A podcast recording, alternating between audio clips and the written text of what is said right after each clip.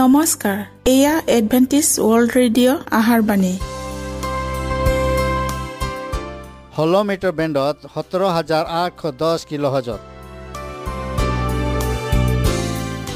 Adventist world radio যোগে অসমীয়া ভাষাত প্ৰচাৰিত আহাৰবাণী প্ৰত্যেক বুধবাৰ আৰু দেওবাৰ সন্ধিয়া সাত বজাত আহাৰবাণী শুনাৰ পিছত আপোনালোকৰ কিবা মন্তব্য আৰু প্ৰশ্ন থাকিলে আমালৈ এই ঠিকনাত লিখক। আমাৰ ঠিকনাটি হৈছে Adventist world radio' seven day Adventist মণ্ডলী অসম শাখা লতাকাটা বশিষ্ট গুৱাহাটী সাত আঠ এক শূন্য দুই ন।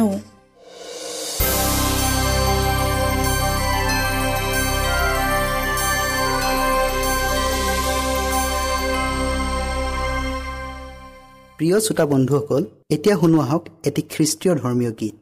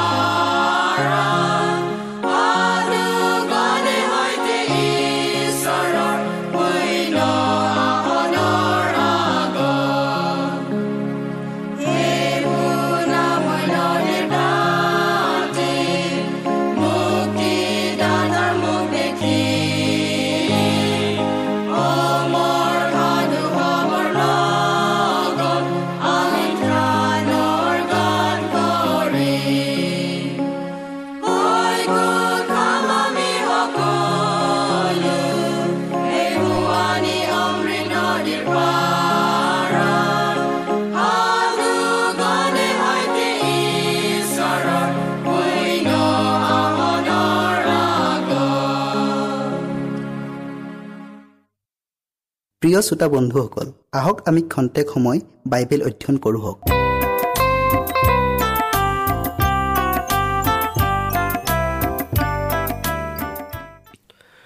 প্ৰিয় শ্ৰোতা বন্ধুসকল নমস্কাৰ।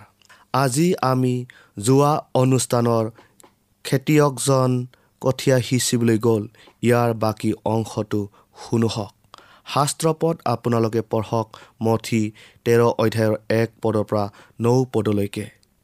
আহক আমি ঈশ্বৰৰ বাক্য শুনাৰ আগতে প্ৰাৰ্থনা কৰোঁ হওক। স্বৰ্গত থকা অসীম দয়াময় ঈশ্বৰ যে হোৱা ধন্যবাদ প্ৰভু তোমাৰ অনুগ্ৰহ আৰু আশীৰ্বাদৰ বাবে।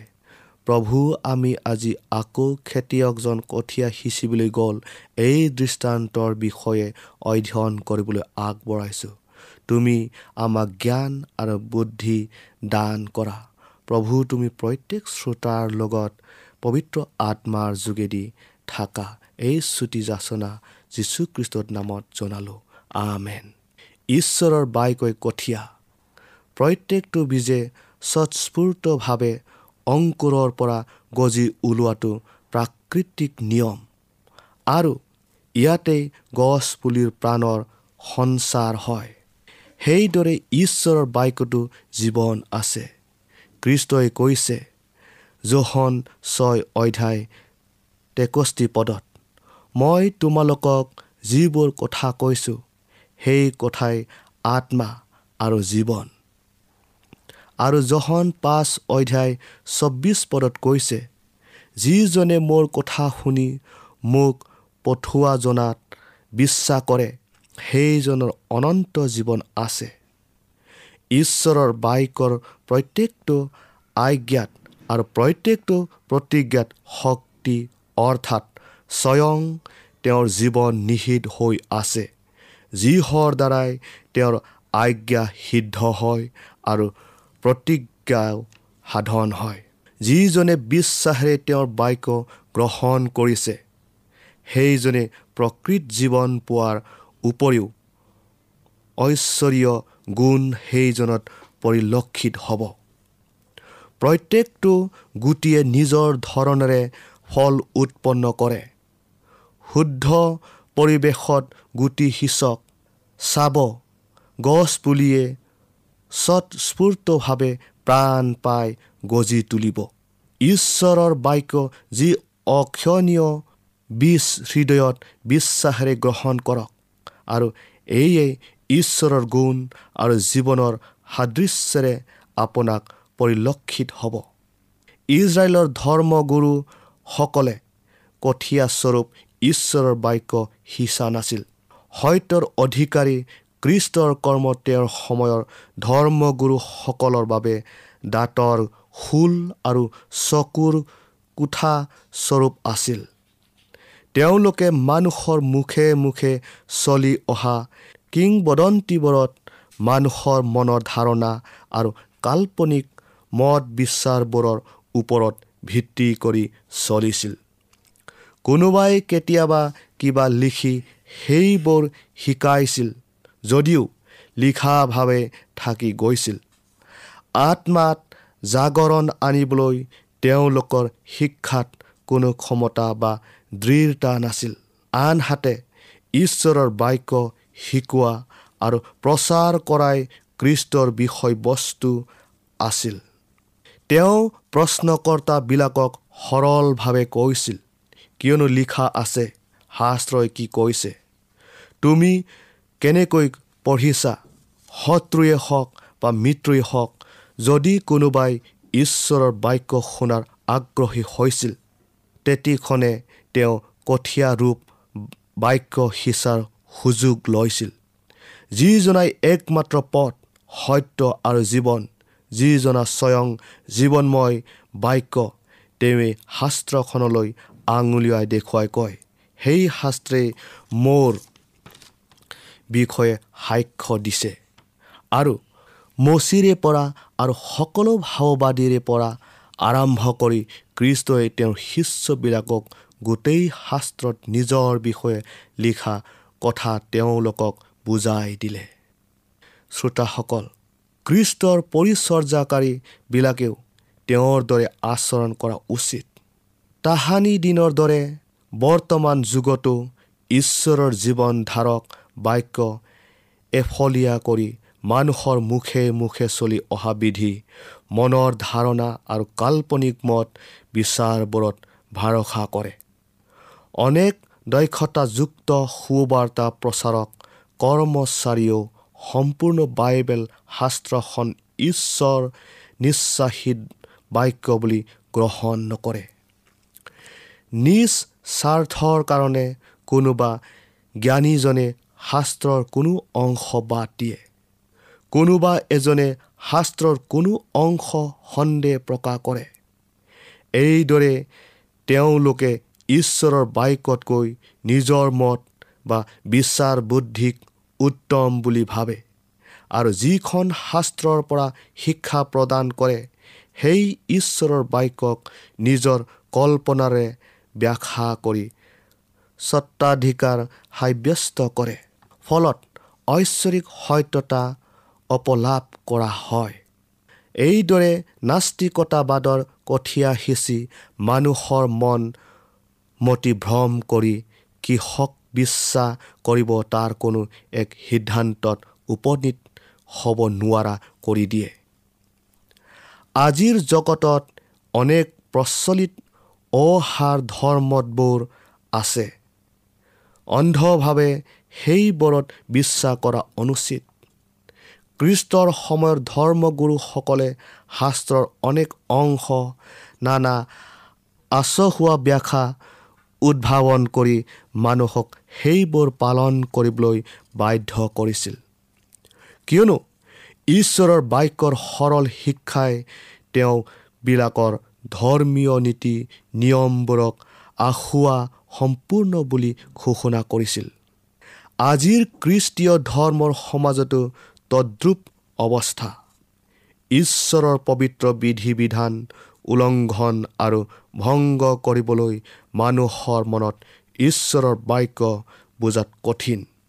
ৰহস্যময় আৰু দুৰ্বৈধ্য যেন হয় তাৰ বাবে ছয়তানে নকল নামধাৰী শিক্ষকবিলাকৰ যোগেদি যৎপুৰো নাস্তি চেষ্টা কৰি আহিছে।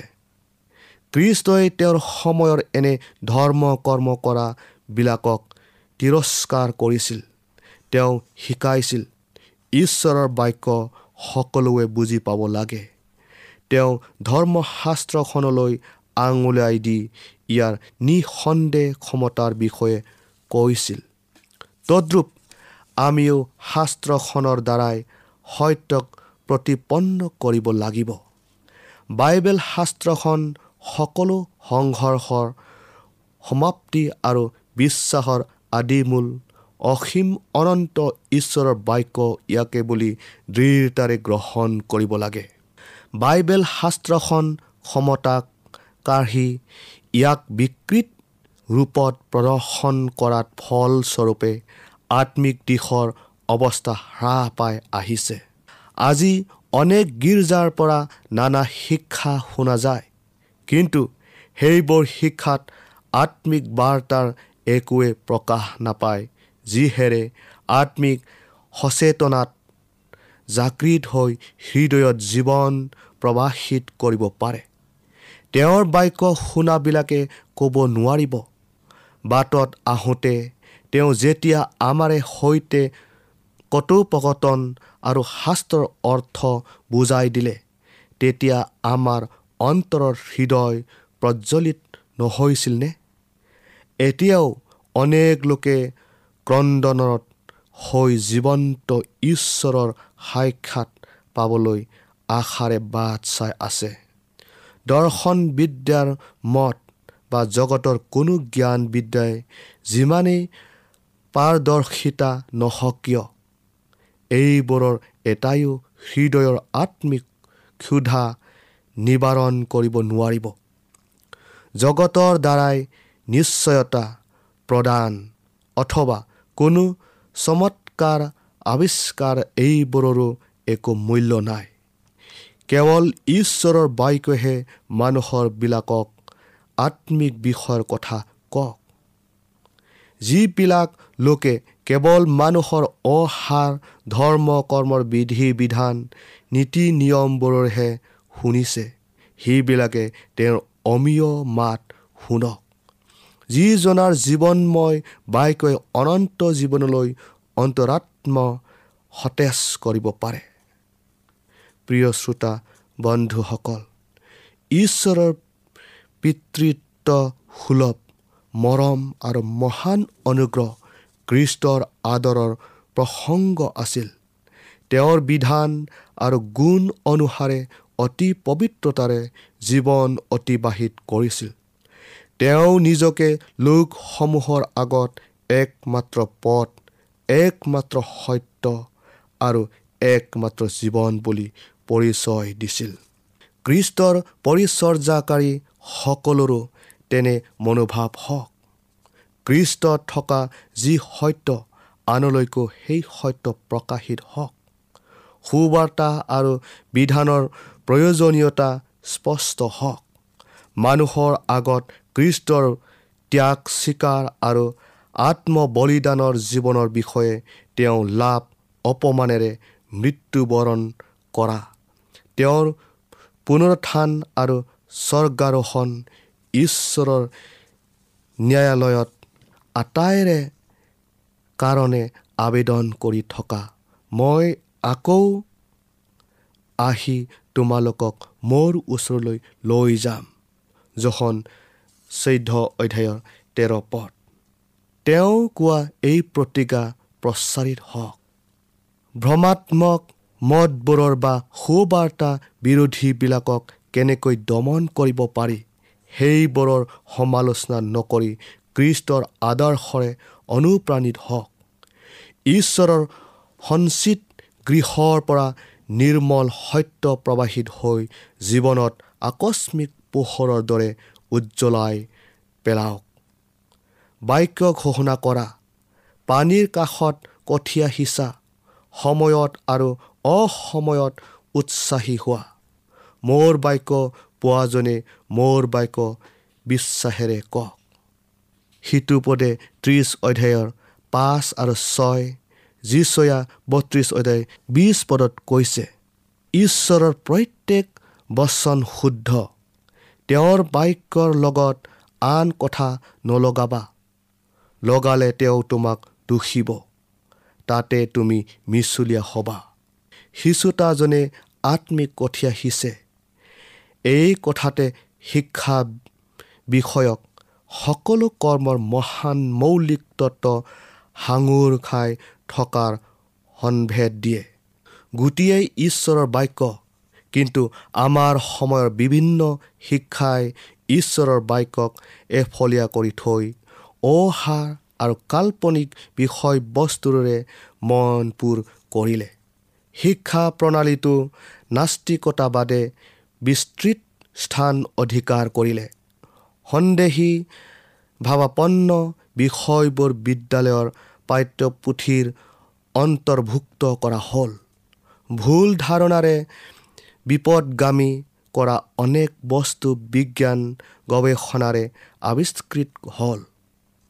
এতিয়া বৰ্তমান প্ৰচলিত জ্ঞান বিজ্ঞানৰ শিক্ষাৰ সৈতে ঈশ্বৰৰ বাক্য তুলনা কৰিলে অনিশ্চিত আৰু অমূলক বুলি বৃথা প্ৰমাণ কৰি দেখুৱায়। এইদৰে বৰ্তমান সময়ৰ উঠি অহা যুৱক যুৱতীবিলাকৰ মনত ঈশ্বৰৰ বাক্যৰ প্ৰতি সন্দেহৰ বীজ ৰোপণ কৰিছে। যেতিয়া ঈশ্বৰৰ বাক্যৰ প্ৰতি বিশ্বাস নোহোৱা হয় তেতিয়া সেইজনৰ পথ প্ৰদৰ্শক নোহোৱা হৈ দিগভ্ৰান্ত আৰু নিৰাপত্তাহীন হয়। সেইদৰে উঠি অহা যুৱক যুৱতীবিলাকৰ মন ঈশ্বৰৰ পথ আৰু অনন্ত জীৱনৰ পৰা আঁতৰাই বিপদে পৰিচালিত কৰে। প্ৰিয় শ্ৰোতা বন্ধুসকল আজি আমি বাস কৰা পৃথিৱীখনত এনে ভূমিকাই এক কদৰ্শ ৰূপেৰে সুদূৰ প্ৰসাৰী হৈ উঠিছে। ঈশ্বৰৰ বাক্যক যেতিয়াই এই ফলীয়া কৰি থোৱা হয় তেতিয়াই ই মানুহৰ প্ৰাকৃতিক মনৰ প্ৰবল ভাৱবোৰ প্ৰতিৰোধ কৰাত শক্তিহীন হৈ পৰে। এনেকৈ মানুহে মাংসিক কঠীয়া সিঁচি সেই মাংসৰ পৰা উৎপন্ন হোৱা কলসিত শস্য দায়। এয়া আকৌ মাংসিক দুৰ্বলতা আৰু অক্ষমতাৰ প্ৰধান কাৰণ হ'ল। ঈশ্বৰৰ বাক্যৰ পৰা আঁতৰি সাংসাৰিক চিন্তা ভাৱনাৰে ভৰপূৰ ৰচিত গ্ৰন্থৰ দ্বাৰাই প্ৰভাৱান্বিত হৈ মনক ক্ৰমবিকাশত প্ৰতিশোধ কৰি নিষ্কৃষ্ট কৰি তোলে। আৰু এনে মনৰ লোকবিলাক অনন্ত সত্যৰ গভীৰ আৰু বিস্তৃত মৌলিক তত্ত্বৰ সান্নিধ্যৰ কাষ চাপিব নোৱাৰে।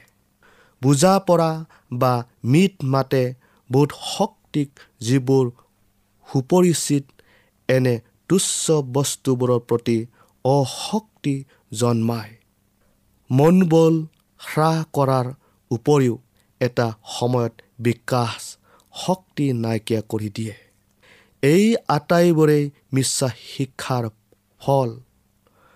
মহৎপূৰ্ণ সত্যৰ নিশ্চাহিত বাক্য যুৱক যুৱতীবিলাকৰ মনত দৃঢ়তাৰে স্থাপন কৰা প্ৰত্যেকজন সৎ শিক্ষকৰ ন্যায়সংগত কৰ্তব্য হওক বৰ্তমান জীৱন আৰু ভৱিষ্যত জীৱনৰ প্ৰতি এনে শিক্ষাইহে অপৰিহাৰ্য।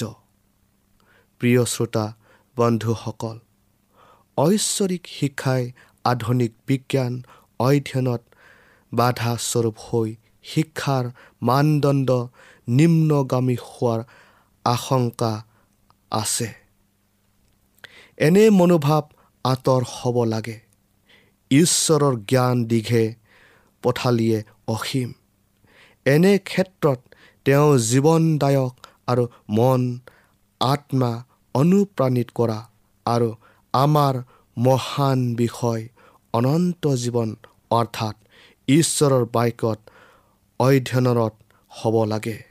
যুৱক যুৱতীবিলাকে ঈশ্বৰ প্ৰদত্ত সত্যক বিচাৰি ইয়াৰ তাৎপৰ্য গ্ৰহণ কৰক যাতে সেইবিলাকৰ প্ৰচেষ্টাত সেইবিলাকৰ মনৰ বিকাশ ঘটি দৃঢ়তালৈ অগ্ৰসৰ হয়। বাক্য পালন কৰোঁতা প্ৰত্যেকজনক এক বিশাল মনৰ অধিকাৰী কৰি অক্ষয় জ্ঞানৰ সম্পদ স্বৰূপে নিৰাপত্তা প্ৰদান কৰিব।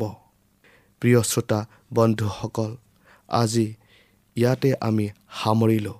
ঈশ্বৰে আপোনালোকক আশীৰ্বাদ কৰক।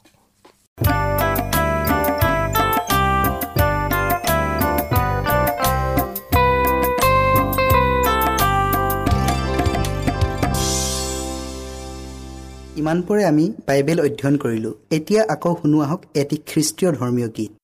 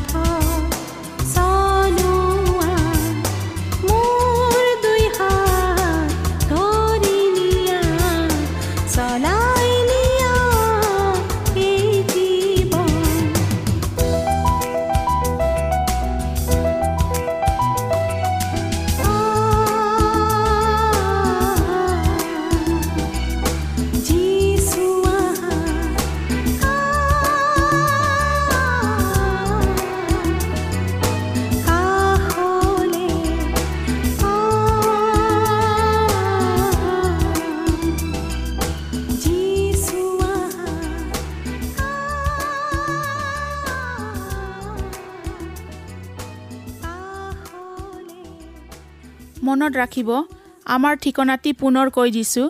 Adventist world radio' Assam region of seven day Adventist voice of hope Latakata Basistha Guwahati seven eight one zero' two nine প্ৰিয় শ্ৰোতা বন্ধুসকল এডভেণ্টিজ ৱৰ্ল্ড ৰেডিঅ' যোগে আহাৰবাণী প্ৰচাৰত আপোনালোকক পুনৰ লগ পোৱাৰ আহাৰে আজিলৈ সামৰিলোঁ।